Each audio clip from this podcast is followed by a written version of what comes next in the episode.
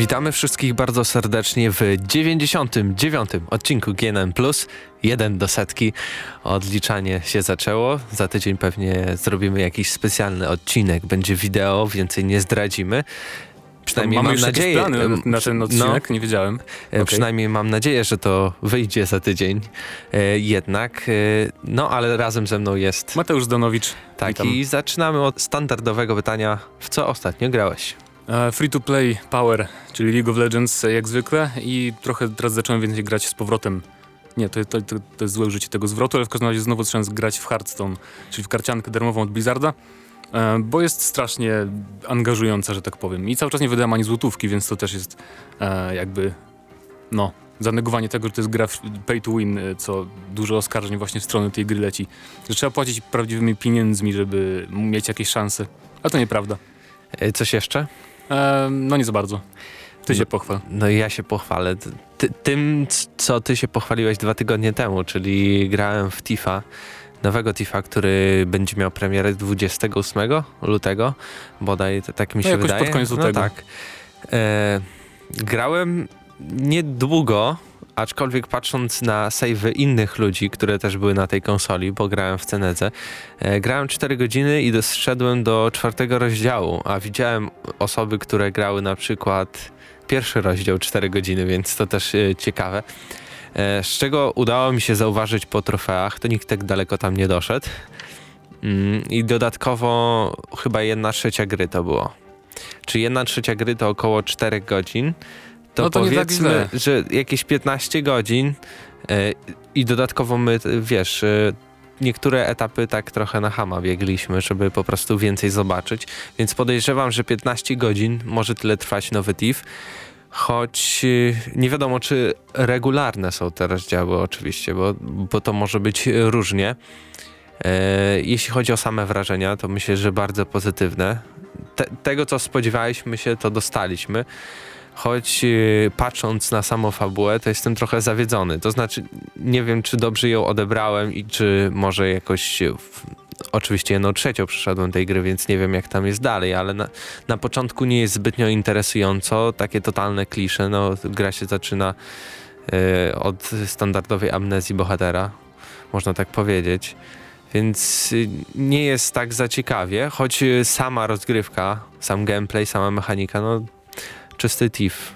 No tym bardziej, myślę, że znaczy nie była nigdy za bardzo istotna fabuła w TIFie, ale w tej części oni bardziej stawiają na narrację taką jak w innych grach, taką bardziej typową, bo w tych poprzednich odsłonach to było tak, że mm, jakby ta cała historia było tylko tłem do tych naszych kolejnych misji, kradzieży, więc tu jest trochę inaczej, jest większy nacisk chyba na, na, na głównego bohatera też, on więcej mówi, co też jest, nie wiem, może nie wszystkim się spodoba, ale zobaczymy jak będzie. Ale to, te, te, też jest te, takie fajne porównanie, bo e, jakby główną taką bohaterką, wokół której, wokół której się kręci fabuła, to jest Erin. Nie wiem, a możesz o tym wszystkim mówić na pewno? Jesteś pewien?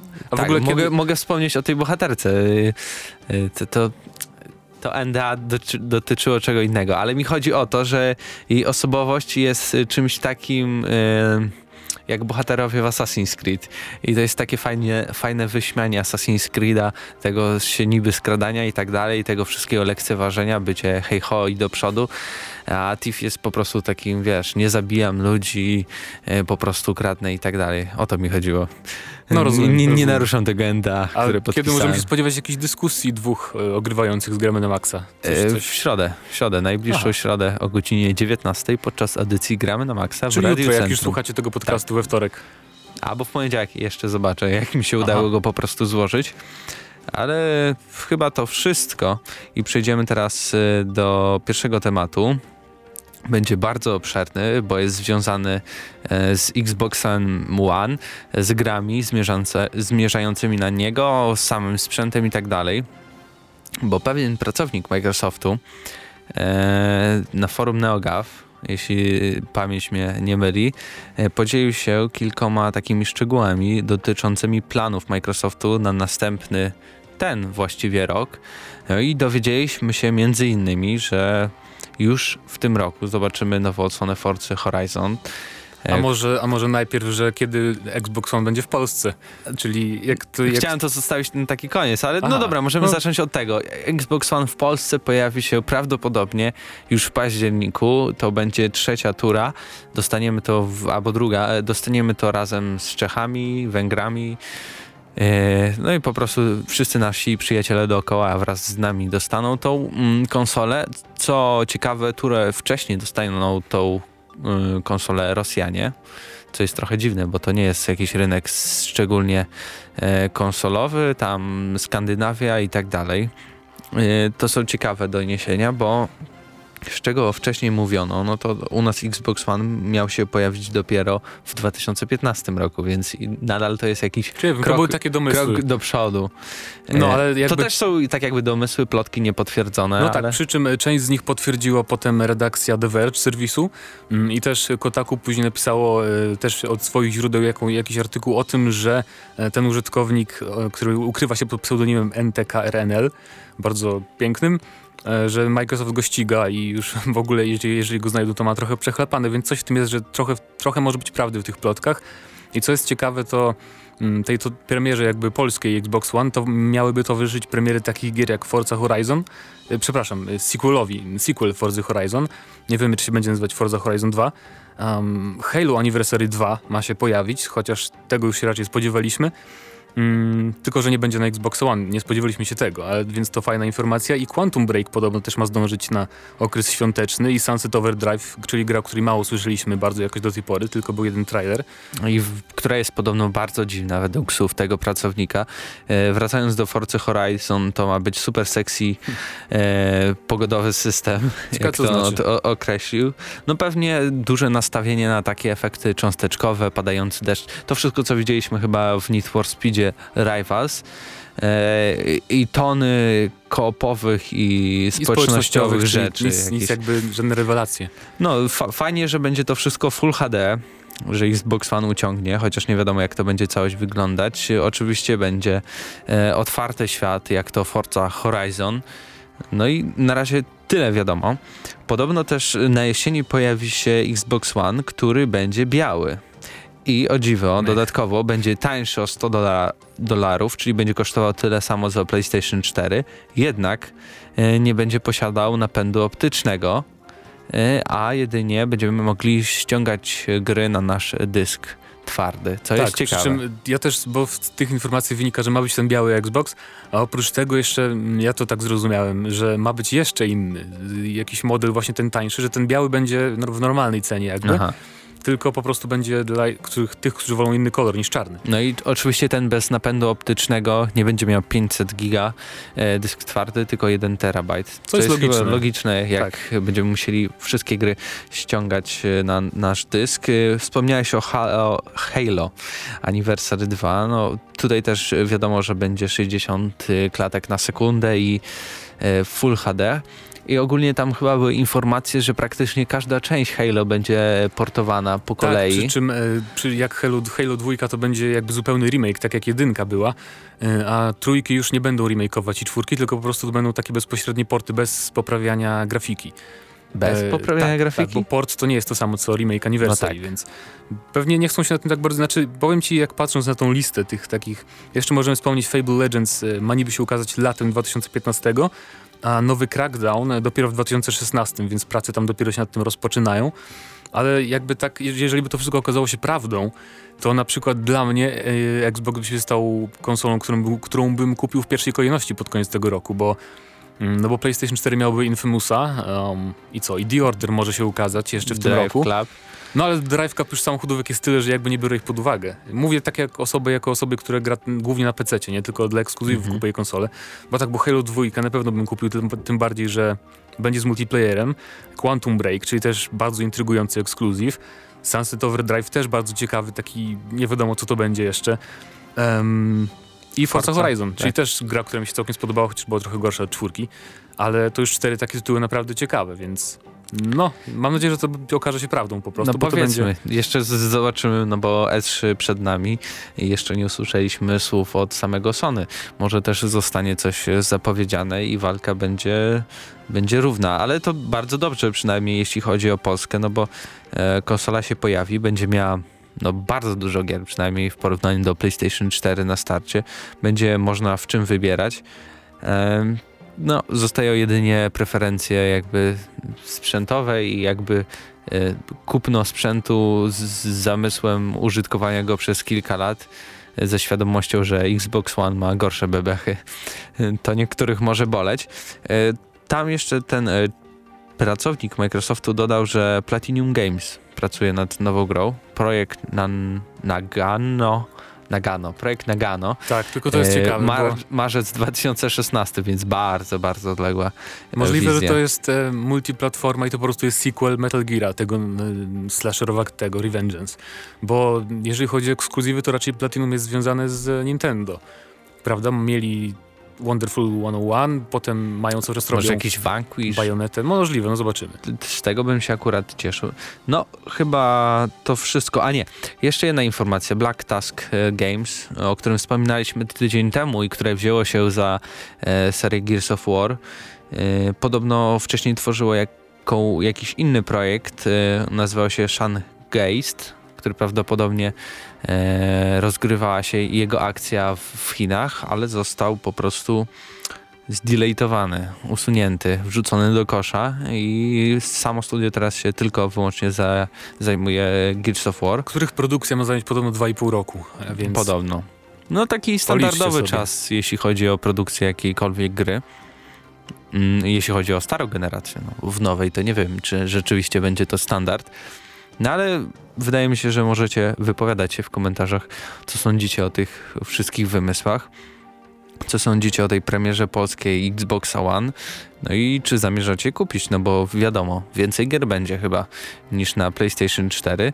No a my zaraz przechodzimy do tematu związanego y, z cienkowitą jak zapisałem sobie w notatkach Slim Vita, powinno tak się to nazywać, PlayStation Slim Vita, e, pojawi się w, w Europie. Tak, w bo już jest kraju. w Japonii, to wiemy. W A tak właściwie kraju. to ma jakąś oficjalną nazwę w ogóle, czy to po prostu nazywa się PlayStation Vita i tyle i jest PlayStation tylko... Vita po prostu. Więc pewnie nie pokusili się o 2000 ani nic takiego. Znaczy nie, no pewnie nie jestem tego pewien, ale chyba jakiś tam w serię fabryczną ma, ma inną, to wiadomo. E, dla przypomnienia, PlayStation Vita jest 20% cieńsza e, od swojej oryginalnej poprzedniczki, 15% lżejsza. Jej bateria wystarcza na godzinę więcej zabawy. A to głównie dzięki temu, że mamy do czynienia z ekranem LCD, tak, a nie LED. A nie LED, OLED dokładnie. No tak. Z jednej strony E, jest to zaleta, jak i wada, ponieważ OLED ma wyraźniejszą paletę kolorów, e, to wszystko jakby lepiej gra, choć z drugiej strony trzeba pamiętać, że to nie jest taki zwykły LCD, który jest dodawany, nie wiem, do jakichś takich gorszych komórek smartfonów, tylko to jest IPS, czyli jeden z najlepszych typów e, no LCD, bo na przykład w waszych monitorach, jeśli kupiliście je poniżej 3000, to na pewno jest matryca TNT, a powyżej 3000 zaczynają się e, matrycę IPS. IPS. Tak, tylko to jest ciekawe, bo e, wydaje mi się, że jakby ktoś mi dał tą witę nową z jakąś grą, to ja bym, wiesz, nie wiedział, nie powiedziałbym, o Jezu, jakie brzydkie kolory. Nie musiałbym mieć porównania, obok musiałbym mieć tą witę OLED, żeby zauważyć różnicę, bo to nie wygląda brzydko na tej nowej wicie, tylko po prostu jak zestawimy dwa obrazy, to wygląda inaczej pod względem kolorów. Na przykład widziałem porównanie Uncharted. Z tego to na LCD, na LCD to wygląda trochę bardziej takie, jest więcej żółtych kolorów, zielonych, są trochę bardziej jakby jasne Coś takiego. Ale... Jest ogólnie bardziej przyciemnione, ale to, to, to raczej nie powinno stanowić problemu. E, zaletą OLED, OLED-u jest to też, że światło się nie odbija po prostu w ekranie, a w LCD no niestety już tak jest. E, na pokładzie znajdziemy 1 GB pamięci wbudowanej w Vita, więc już tam jakieś mini demko możemy ściągnąć czy cokolwiek. E, co jednak ciekawe, Poligamia.pl e, dostała komunikat od e, Sony Computer Entertainment Polska i nie będzie PlayStation Vita, przynajmniej w najbliższym czasie, w czasie, w którym pojawi się w Wielkiej Brytanii ta cieńsza konsola, nie będzie jej w Polsce. Więc no, trochę możemy szkoda, trochę ale, zapomnieć o ale tym. jeżeli ktoś i tak jakby chciałby się skusić, to z Amazonu są wysyłki za darmo. Więc jakby co to, no, fani sprzętu znajdą no, sposób. Jeśli Ważne, mnie... że już nie trzeba sprowadzać no tak, z Japonii. No tak. Więc... Jeśli o mnie chodzi, to jednak będę nadal, jeśli chciałbym kupić, to będę polował na tą starszą wersję, bo jednak nawet wizualnie jest jakby jakoś tak bardziej profesjonalnie zrobione. To wygląda na taki, taki drogi gadżet, taki drogi sprzęt, gdzie plastik jest takiej najwyższej tak. jakości, bo na zdjęciach ta, ta nowsza wersja taka trochę, trochę takim mm, PS, PS Street zalatuje takim plastikiem Szczególnie totalnym. te kolorowe wersje, jakieś żółte, czerwone. Um, przy czym ja mam też nadzieję, że trochę stanieje ta normalna Vita w Wielkiej Brytanii na przykład. To by były też bardzo fajne okazje. No bo ta nowa kosztuje 180 funtów, a więc 900 zł na nasze pieniądze, co jest chyba drogo, bo Witę zwykłą teraz możemy kupić nawet za 700 zł. Nasz kolega redakcyjny wraz z tak Liberation jest. kupił Asasynem, więc y, to nie jest to chyba taka dobra oferta. Ciekawe, czy też doczekamy się kiedyś w Europie PlayStation Vita TV, który też już zadebiutował w Japonii. Um, bo to też by było ciekawe i może nawet budziłby większe zainteresowanie niż nowy, nowy, nowy model Vity. No zapewne, ale problemem tej nie wiem, czy to nazwać konsolą. No, konsoli, no, tak, konsoli chyba... dużej, do, stacjonarnej jest to, że niestety nie wszystkie gry, e, przynajmniej te najważniejsze, to dla których prawda, jakbym tak. się skusił, nie działają, tylko takie japońskie. No ale wiadomo, na razie konsola w Japonii może e, jakby pojawiła się w Europie i na całym świecie by się to zmieniło. Ale wypowiadajcie się w komentarzach, co sądzicie o Wicie, czy macie, a jak nie macie, czy planujecie kupić wersję Slim, czy też e, tą starszą. A my przejdziemy do zapowiedzi Duke'a Nuka.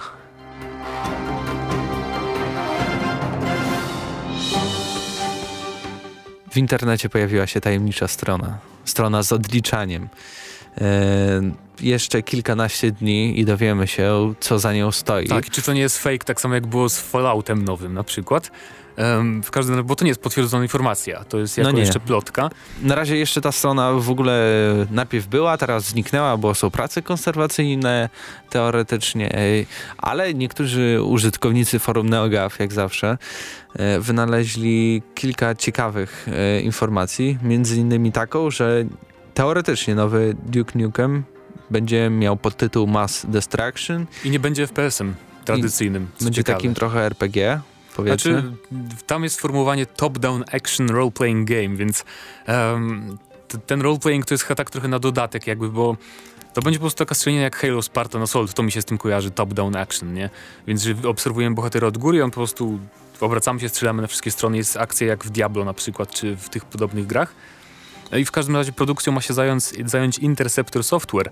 Um, ja szybko sobie przypomniałem, że przecież oni odpowiadają za bardzo udany remake Rise of the Triad, który ukazał się w zeszłym roku, tej klasycznej strzelaniny, którą stworzyło właśnie byłe 3D, 3D Realms. Więc to jakby napawa nadzieją, że to będzie coś naprawdę dobrego, bo tamta produkcja bardzo im się udała. I też w czerwcu czy w lipcu były takie mm, informacje, ktoś znalazł na, na profilu LinkedIn jednego z pracowników tego studia właśnie, że pracują nad jakimś nowym projektem na PC i PlayStation 4. I tu też w tych właśnie zapowiedziach się pojawiło, że te, ten nowy Duke ma się pojawić na PC i na PlayStation. Na PlayStation, czym nie wiadomo, ale... nie wiadomo czy 4, ale to było Next Generation debut in Duke Nukem. Więc PS4. Czyli PS4 po prostu i PC-ty. Ciekawe, dlaczego nie Xbox One. E, oczywiście całość ma być napędzana przez silnik Unreal. Więc e, pewnie Unreal 4 już spodziewamy, tak, tak, ten nowszy, tak. więc to też by było ciekawe. Jedna z tych y, pierwszych gier właściwie. E, I też y, nie wiemy zbyt wiele o miejscu akcji, przy czym e, akcji, właśnie Duke ma odwiedzić e, kilka różnych planet, a nie tylko jedną, więc nie będziemy bronić Ziemi, tego się chyba można spodziewać. Więc... No, ma być apokalipsa i obcy. Po, po no. prostu czysty Duke. E, więcej informacji nie mamy, ale czy to dobrze? Czy chciałbyś zobaczyć taką grę? Czy chcesz... Bo pamiętajmy, ostatni Duke Nukem Forever, tak? E, no tak, tak, to było Niestety to, to była tragizm w czystej postaci, chociaż... Gearbox to jest studio od Borderlandsów i za, za co innego się tknął, to wychodzi co najmniej średniak. To, to tak Ale... samo jak z Alienami. Ale powiem ci, że miałem ochotę naprawdę skończyć tego Duke'a. Tak nie wiem, ja tak mam chyba, jak gry są już tragiczne, to nawet jak już trzy czwarte zmarnuje czasu... Już wydałeś to, pieniądze, to tak głupio trochę odłożyć. To, to, mi głupio tak, no, wie, no trzeba by przejść do końca, chociaż zobaczyć co tak dalej, tak. ale nie skończyłem niestety albo stety. Ale w tym wypadku jest trochę inaczej, przynajmniej z mojej strony. E, nie wiem, bo to studio Interceptor nie jest jakoś super rozpoznawalne, bo jednak to Rise of the Triads nowe to jest produkcja taka trochę niszowa, e, bo nie wszyscy lubią takie, takie shootery ale właśnie ten fakt, że oni to niby robią, y, to już nastraja bardzo pozytywnie. Mm, no i też jakby to, że, to nie będzie FPS, że to nie będzie taka tradycyjna strzelanina, bo y, może właśnie oni obrali ten inny kierunek, żeby skoro te FPS-y, Duke'i cały czas były z nimi jakieś problemy, to nie róbmy w ogóle FPS-ów, to w końcu coś nam wyjdzie z tego, zobaczymy. E, ale to też ciekawe, bo jakoś nie wyobrażam sobie postaci bo z góry... Ale była już taka gra, że nie FPS, Duke Nukem, Manhattan Project tak, się nazywała. ale ona była tak... E... Dwuwymiarowa strzelanka, ta, tak, no. Taki rzut nie z góry, tylko tak z boku. I to była naprawdę świetna gra. Ja pamiętam, kilka razy ją przechodziłem. No właśnie, no, była chodzi, jedna ale... z miodniejszych Duke'ów, jakie grałem. Ale też przed premierą ludzie mówili, że jak to Duke nie strzelanka, nie? Więc... Nie, to była strzelanka, tylko... Ale w sensie nie, nie pierwszoosobowa, o to no mi tak. chodziło. Ale tutaj jakoś z góry tak sobie nie wyobrażam, no bo... Yy no nie wiem, takie strategiczne ujęcie bardziej pasuje mi jakby sterowaniem kilkoma jakby oddziałami i czymś takim. Nie ma jakby takiego większego skupienia się na bohaterze, który jest jednak najważniejszy w, w produkcjach z Duke'em no, z tym stoi ta gra, no, tą postacią, która jest no, taka no wiesz, ekscentryczna. Na przykład Diablo 3 na konsolach udowodniło, że można w bardzo fajny sposób zrobić sterowanie w grach tego typu. Taki top-down właśnie na padzie. Chodzi mi o sterowanie na padzie oczywiście, więc i to Halo, to nowe Spartan Assault też. Więc zobaczymy jak to będzie. W każdym razie mam nadzieję, że to nie jest plotka, że to się okaże prawdą. No dawajcie że... znać w komentarzach po prostu, co sądzicie o nowym Duke'u, czy takiego byście chcieli zobaczyć, czy warto w ogóle y, odświeżać takie... Odkopywać Odkopywać trupa. takie trupy, troszeczkę balsamować je i tak dalej. E, a my przejdziemy teraz do tematu, który przygotował nam Zdenio. Ja, Dark tak. Souls. Tak. Zeszłym tygodniu e, Namco Bandai, czy właściwie teraz zmienili oni nazwę, nazywają się Bandai Namco. Tak, jest, czyli e, oczywiście bardzo... w, Japonii było tak, że od początku się nazywało Bandai Namco. Tak, i to widać kogoś... W ogóle nie mogę sobie... Przy... jakby składnia tego słowa jest zaburzona dla mnie w tym momencie. Kwestia przyzwyczajenia po prostu, w no, każdym razie. Ale na całym świecie już zmienili. Wszędzie jest ba banko Dobra, tak mniejsza W każdym razie dziennikarze z różnych serwisów zagranicznych mieli okazję zagrać w Dark Souls 2 po raz kolejny. Um, bodajże w początek gry pierwszą godzinę czy dwie. I powtarzało się oczywiście już mm, w tych wszystkich artykułach e, różne potwierdzone już dawno temu informacje, czyli na przykład system ognisk, że będziemy mogli się teleportować do dowolnego i tak dalej, ale nowe informacje są takie, że na przykład będziemy mogli zostać zaatakowani przez innego gracza, nawet jeżeli będziemy martwi um, robisz dziwną minę, bo pewnie nie kojarzysz o co chodzi. No tak. Otóż e, w Dark Souls e, możemy jakby, wszyscy są martwi w świecie Dark Souls. Jeżeli umrzesz, to e, po prostu tracisz człowieczeństwo i chodzisz jako nieumarły i jesteś w tym świecie, normalnie walczysz dalej i tak dalej. Tylko potem musisz odzyskać swoją duszę, żeby odzyskać człowieczeństwo. W Dark Souls, w Dark Souls 1 było tak, że w tym czasie, mm, bo wtedy jesteś trochę słabszy, w tym czasie nie mogę cię zaatakować inni gracze. To się nazywa inwazja tak w ogóle. Pojawia się w twoim świecie gracz pod postacią takiego ducha czerwonego, a w dwójce to już będzie możliwe, więc jakby kolejne utrudnienie e, ze strony twórców. Chociaż ma się też pojawić lepszy matchmaking. To są też y, takie nowe informacje właśnie. Czyli na przykład, y, że będziemy mieć większą szansę na to, że zostaniemy zaatakowani, jeżeli będziemy sami atakować innych graczy, a jeżeli będziemy spokojnie grać i trzymać się tylko swojego świata, to wtedy raczej nic nam za bardzo nie grozi. Mm, a z takich jeszcze najważniejszych chyba informacji to dodanie czatu głosowego do kooperacji, bo oprócz tego, że możemy nawiedzać innych światy, innych graczy, światy, żeby ich zabijać, to też możemy wzywać na pomoc innych graczy, żeby nam pomagali z jakimś bossem na przykład, albo z kimś, kto nas zaatakował. Więc ym, w Dark Souls 1 e, to wszystko się opierało na, komunikacja opierała się tylko na na gestach, do których tam mieliśmy dostęp do naszej postaci. Tam machaliśmy sobie ręką, coś tam dziękowaliśmy i tyle. I to wprowadzało taką fajną atmosferę, mm, że nigdy nie wiesz, że wow, jakiś tajemniczy wojownik nie pomaga mi tu pokonać bossa i no, nie zdajesz sobie sprawy, że to jest jakiś dziewięciolatek tam, nie, nie słyszysz go, nie? Więc no to, tak. taka, to taką fajną, taki fajny smaczek to był. Natomiast Dark Souls 2, jeżeli my będziemy mieć opcję odznaczoną odpowiednią i, i ten, który nas nawiedzi, to będziemy mogli sobie ze sobą rozmawiać. Więc to jest opcjonalne, na szczęście. I nie wiem, no pewnie niektórych graczy to zadowoli, e, a niektórych nie zadowoli, ale na szczęście jest to właśnie opcjonalne, jak powiedziałem. Mm, I przy czym znaczy, oczywiście nie zmieni się to, że nie będziemy mogli jakby przyzywać na naszych znajomych, kiedy zechcemy, bo e, to też się nie zmieni. E, czyli tam jeden z twórców mówił, że na przykład jeżeli mm, oddamy będziemy przynależeć do jakiegoś kultu konkretnego, to możemy mówić się ze znajomym, hej, ty też przystąp do tego samego kultu, to będziemy mieć większą szansę, że akurat przyzwę ciebie. Ale nie ma żadnego takiego konkretnego do, do, dołączania do gry znajomego. No i to, to było na tyle, jeżeli chodzi o nowe informacje, zupełnie nowe, o Dark Souls 2. Ogólnie ta gra zapowiada się coraz, coraz ciekawiej, tylko mm, szkoda, że wersja PC-towa ukaże się później.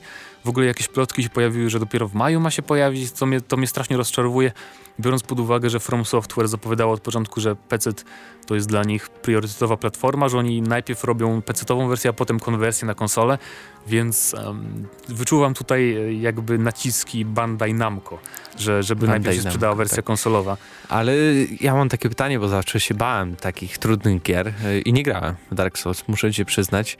Na czym polega to jakby wchodzenie w świat innego gracza? No, w jaki sposób jest to przeprowadzone? E, musisz tam spełnić odpowiednie warunki, na przykład dołączyć do jakiegoś konkretnego bóstwa i wtedy jeżeli, mm, jeżeli inny gracz wzywa pomocy jakiś, to mo może ci wyświetlić e, informacja, czy chcesz komuś pomóc. Nie? I się przenosisz po prostu do czyjegoś świata pod postacią ducha i tam mu pomagasz, coś tam robicie, e, jeżeli chcesz. I po wszystkim po prostu wracasz do tego miejsca w swoim świecie, w którym byłeś, kiedy zostałeś wezwany. Albo jeżeli masz odpowiedni przedmiot, to możesz właśnie w dowolnym momencie e, zaatakować świat innego gracza. Przy czym to nie wiesz nigdy, kogo zaatakujesz. Nie możesz trafić do świata nuba, którego załatwisz jednym uderzeniem, albo do kogoś, kto, cię, kto ciebie zabije bardzo szybko, więc to wszystko jest bardzo ryzykowne. I to jest właśnie takie fajne, bo to jest taki bardzo specyficzny typ um, gry sieciowej, której nie ma naprawdę w innych grach i dlatego właśnie to zawsze budziło spore zainteresowanie w Dark Souls. Więc no, więc to jest, to jest ciekawy element i też powróci. Ale z drugiej strony też przyglądałem się, jak ta gra wygląda, bo coraz więcej materiałów Wygląda było. brzydko, tak jak jedynka, niestety. No, tak, tak, trochę tragicznie, no. no ja, ja, rozumiem, że to jest... Y, no, stara już generacja to znaczy, konsol, modele ale... postaci um, i niektóre elementy uzbrojenia i tak, przeciwnicy tak, wyglądają fajne. fajnie, ale tekstury na przykład otoczenia. No i, y, i, sa, I same w ogóle modele jakichś tam, no nie wiem, jakichś rzeczy stojących w tym świecie są tak. strasznie kwadratowe. Myślałem, no że będzie to trochę jednak lepiej zrobione. Myślę, e, że to dopiero w kontynuacji ewentualnie na konsolę nowej generacji, bo chociaż niby to jest nowy silnik tak w ogóle, więc nie za bardzo się przyłożyli Wydaje mi się, że, że takim tym nowym Dark Souls 3 powiedzmy będzie właśnie Deep Down, które właśnie się przemieniło w to, w czym jest Dark Souls, choć miałem nadzieję, że będzie bardziej jakimś takim ciekawym RPG z, z położeniem na, na fabułę i tak dalej. I co mnie w ogóle bardzo... Japończycy, jak próbują robić gry europejskie, to okej, okay, fajnie skonstruują świat, fajnie to wszystko pokażą, ok, ale jak dochodzi do tworzenia potworów, to zawsze wymyślą jakieś takie nie, takie niewyobrażalne stwory, że już właśnie... wiadomo, że oni próbowali zrobić europejską grę i im nie wyszło, bo są Japończykami, dlatego zrobili jakiś skośnooki ale, potwór. Ale to jest właśnie bardzo, bardzo fajne, mi się to podoba na przykład w Dark Souls, czy była taka gra na PlayStation Vita, którą niestety nie grałem, e, Soul Sacrifice.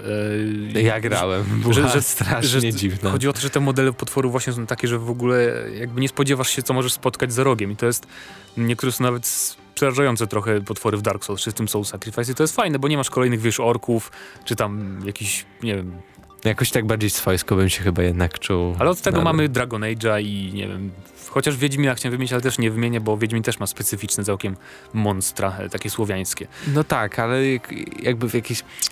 Nie mówię, że to jest źle, ale po prostu chciałbym zobaczyć grę, która działa w ten sposób jak Dark Souls, ale ma właśnie jakieś potwory normalne. Może Lords of the Fallen nas zadowoli pod tym względem. Ciebie możliwe, możliwe. Chociaż yy, powiem ci, że rozgrywka jednak będzie troszeczkę inna. Podejrzewam tak, chociaż muszę zagrać w Dark Souls, może się okaże, że, że, że, że rzeczywiście jest to praktycznie to samo. E, mieliśmy tutaj poruszyć temat w ogóle, e, dlaczego jest tak dużo tych trudnych gier nagle. Nagle taki trend. Ponieważ właśnie widocznie gracze to lubią, to jest jedyne wytłumaczenie, bo co jest szczególnie widoczne w grach indie. E, w zeszłym roku było Rogue Legacy, e, czyli taka dwuwymiarowa platformóweczka, w której też umieraliśmy od jednego ciosu. Risk of Rain też 2D, też platformówka i też się umierało praktycznie od jednego ciosu. Teleglitch też gra indie.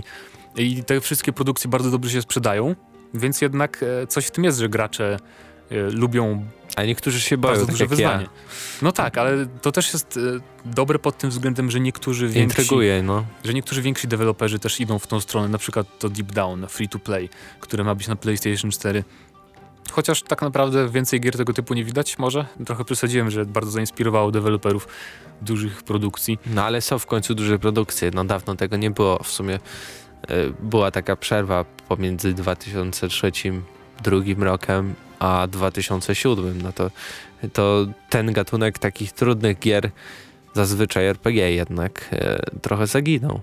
I to ciekawe, że się właśnie pojawiają, ale zobaczymy, czy to w ogóle się sprzeda, bo w sumie gry się robi po to, by zarabiać pieniądze. A teraz, teraz mówimy o Dark Souls 2, czy się sprzeda? Tak. Na pewno się sprzeda, przecież na to, na to czeka rzesza graczy. Dark Souls 1 nie znam konkretnych numerów, ale Namco było bardzo zadowolone z wyników sprzedaży, więc na pewno sprzedało się w miarę dobrze. Więc też uważam, że, że Dark Souls 2 kupią od razu wszyscy, którzy mm, ubóstwiają jedynkę. A nie wiem. No ja spróbuję.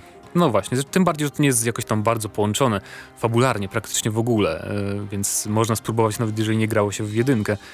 No ja PlayStation 3 mam, nie sprzedałem jak ty, więc no będę miał tą okazję przed tobą jeszcze ja zagrać. chyba, że, chyba, że zaskoczy Namco przepraszam, Bandai e, i będzie premiera wersji PC-owej od razu, w każdym razie wypowiadajcie się, czy graliście w jedynkę, czy preferujecie może Demon's Souls, który okazało się jeszcze wcześniej niż Dark Souls, e, czy chcecie kupić Dark Souls 2 i dlaczego cenicie gry tego typu może? Taka dyskusja niech się rozpęta. No, a to był 99 odcinek GLM+, no i razem z wami byli Mateusz Zdanowicz i Mateusz Widut, trzymajcie się.